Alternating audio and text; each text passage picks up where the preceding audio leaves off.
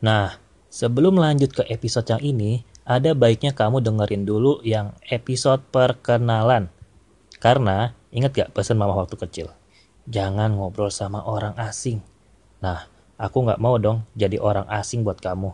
Silahkan dengerin dulu ya tema perkenalan sebelum lanjut ke tema yang ini.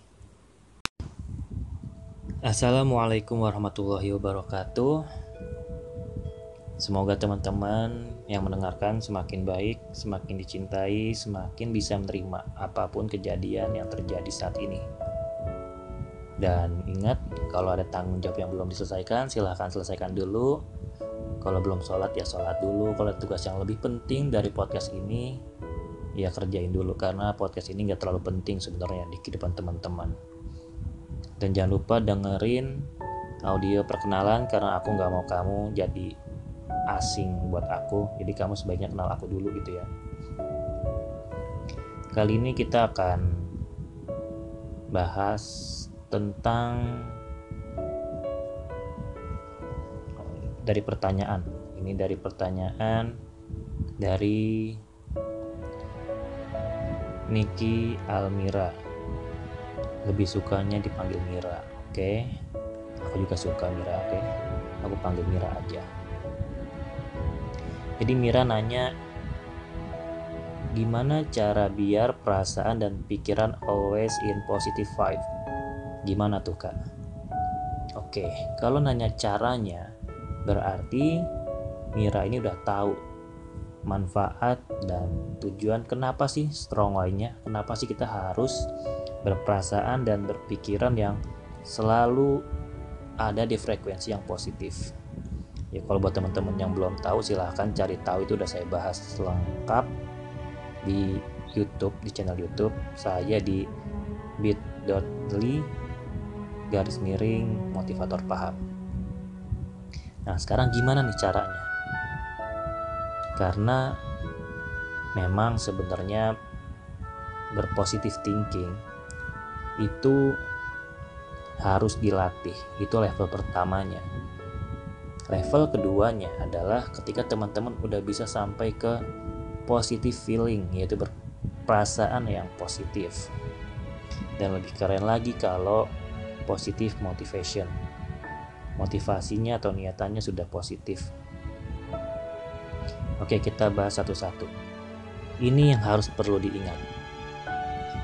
Apa yang kita rasakan, apa yang kita lihat, apa yang akan kita dengar, akan kita pikirkan dan apa yang kita pikirkan itu akan kita realisasikan dalam bentuk perkataan maupun perbuatan atau tindakan.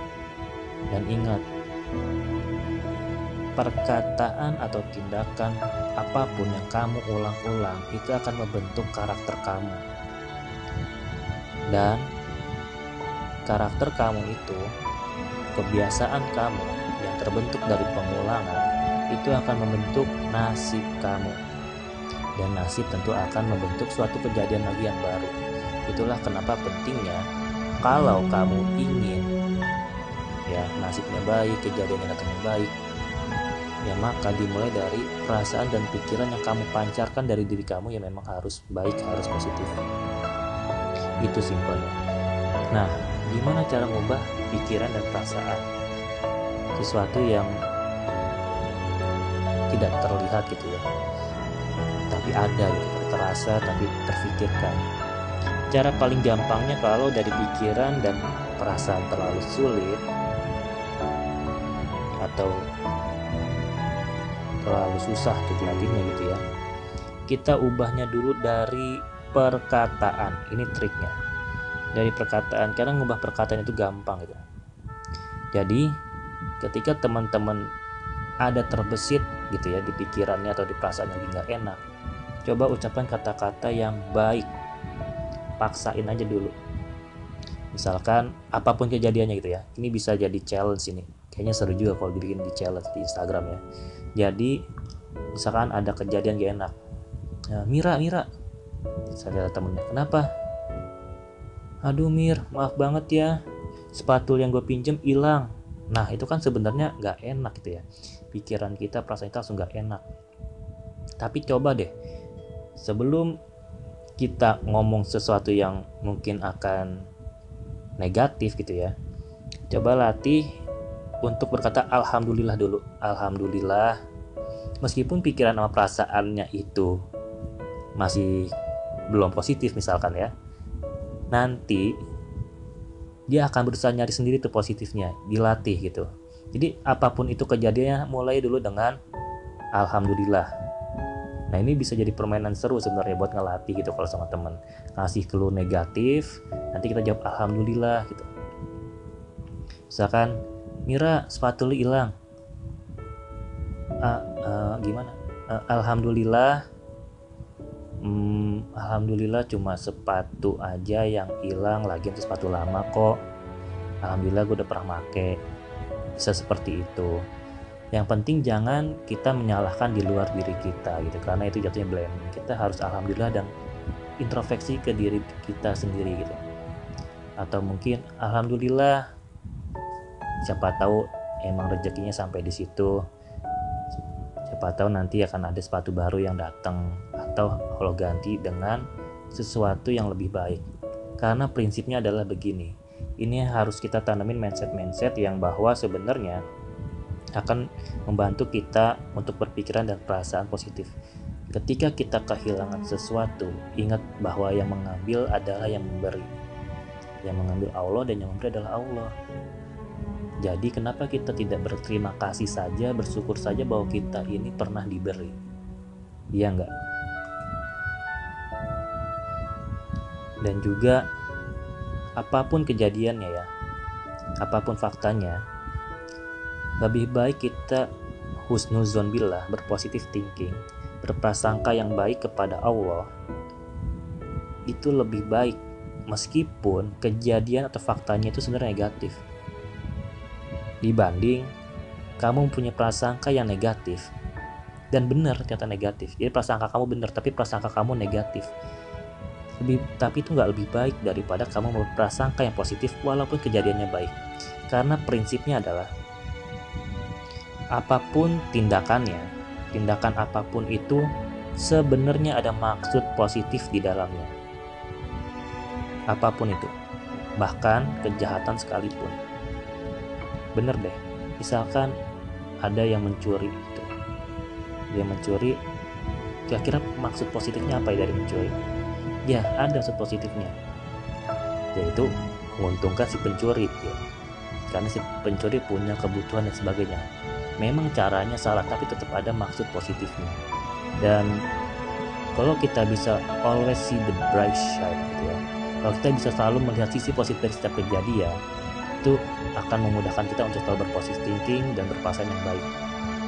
Karena pikiran dan perasaan yang baik itu baliknya ke kita lagi. Jadi kalau misalnya hal kejadiannya negatif tapi kita berpasangkan dan berpikiran positif, nanti yang datang itu selanjutnya yang akan datang adalah sesuatu yang positif insya Allah. Ya kalau dibilang ayatnya mana ya udah banyak banget kali ya kalau kita bersyukur akan ditambah kalau kita kufur ya azabku sangat pedih gitu. Kalau kita dapat nikmat kita bersyukur itu biasa. Kalau kita dapat ujian kita bersabar ya memang cuma itu jalannya bersabar. Karena mengeluh akan menghasilkan apa pun tapi ketika kita diuji kita diberikan cobaan kita bukan hanya sekedar bersabar tapi juga bersyukur. Nah itulah adalah level syukur yang tinggi banget sih. Level syukur yang hebat banget kalau kamu bisa ngelakuin itu Oke. Sepertinya itu aja karena takut udah kepanjangan. Eh, semoga bermanfaat sharing-sharingnya. Dan memang yakini aja kalau setiap tindakan dan kejadian pasti ada maksud positifnya. Bahkan kalau yang tadi saya jelasin tentang mencuri, itu juga udah pernah terjadi kok di zamannya Umar bin Khattab ketika ada seorang pencuri yang ternyata setelah ditelusuri adalah maksud positifnya ada memang dia kalau nggak salah ya. Intinya tuh kelaparan lah. Nggak bisa makan dan yang ada Umar bin Khattab malah membantunya dan merasa bahwa ini adalah kurangnya perhatian terhadap sesama lah kurang lebih seperti itu ya intinya. Dari ceritanya dan itu luar biasa sih. Dan itu sebenarnya sangat NLP banget. Nah pas bangetnya dengan tentang NLP nanti kita bahas di podcast berikutnya. Oke terakhir dari saya mungkin untuk penutup pertanyaan ini Allah itu maha baik apa enggak? Rata-rata semua ngomong maha baik. Kalau Allah maha baik kira-kira yang terjadi saat ini kepada kehidupanmu itu yang terbaik dari Allah atau yang mungkin terbaik dari Allah atau bukan yang terbaik dari Allah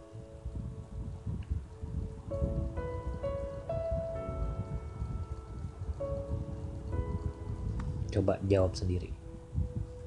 Kalau memang yang terbaik dari Allah terus kenapa masih berpikiran tidak baik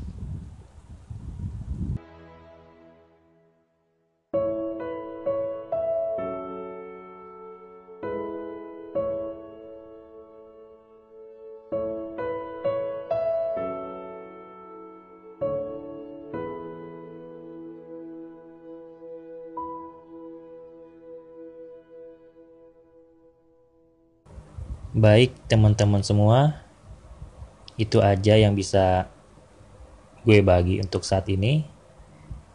Pesan gue juga tetap sama, yaitu lakukan apa yang Anda pahami agar pemahaman Anda semakin Anda pahami. Salam paham. Wassalamualaikum warahmatullahi wabarakatuh.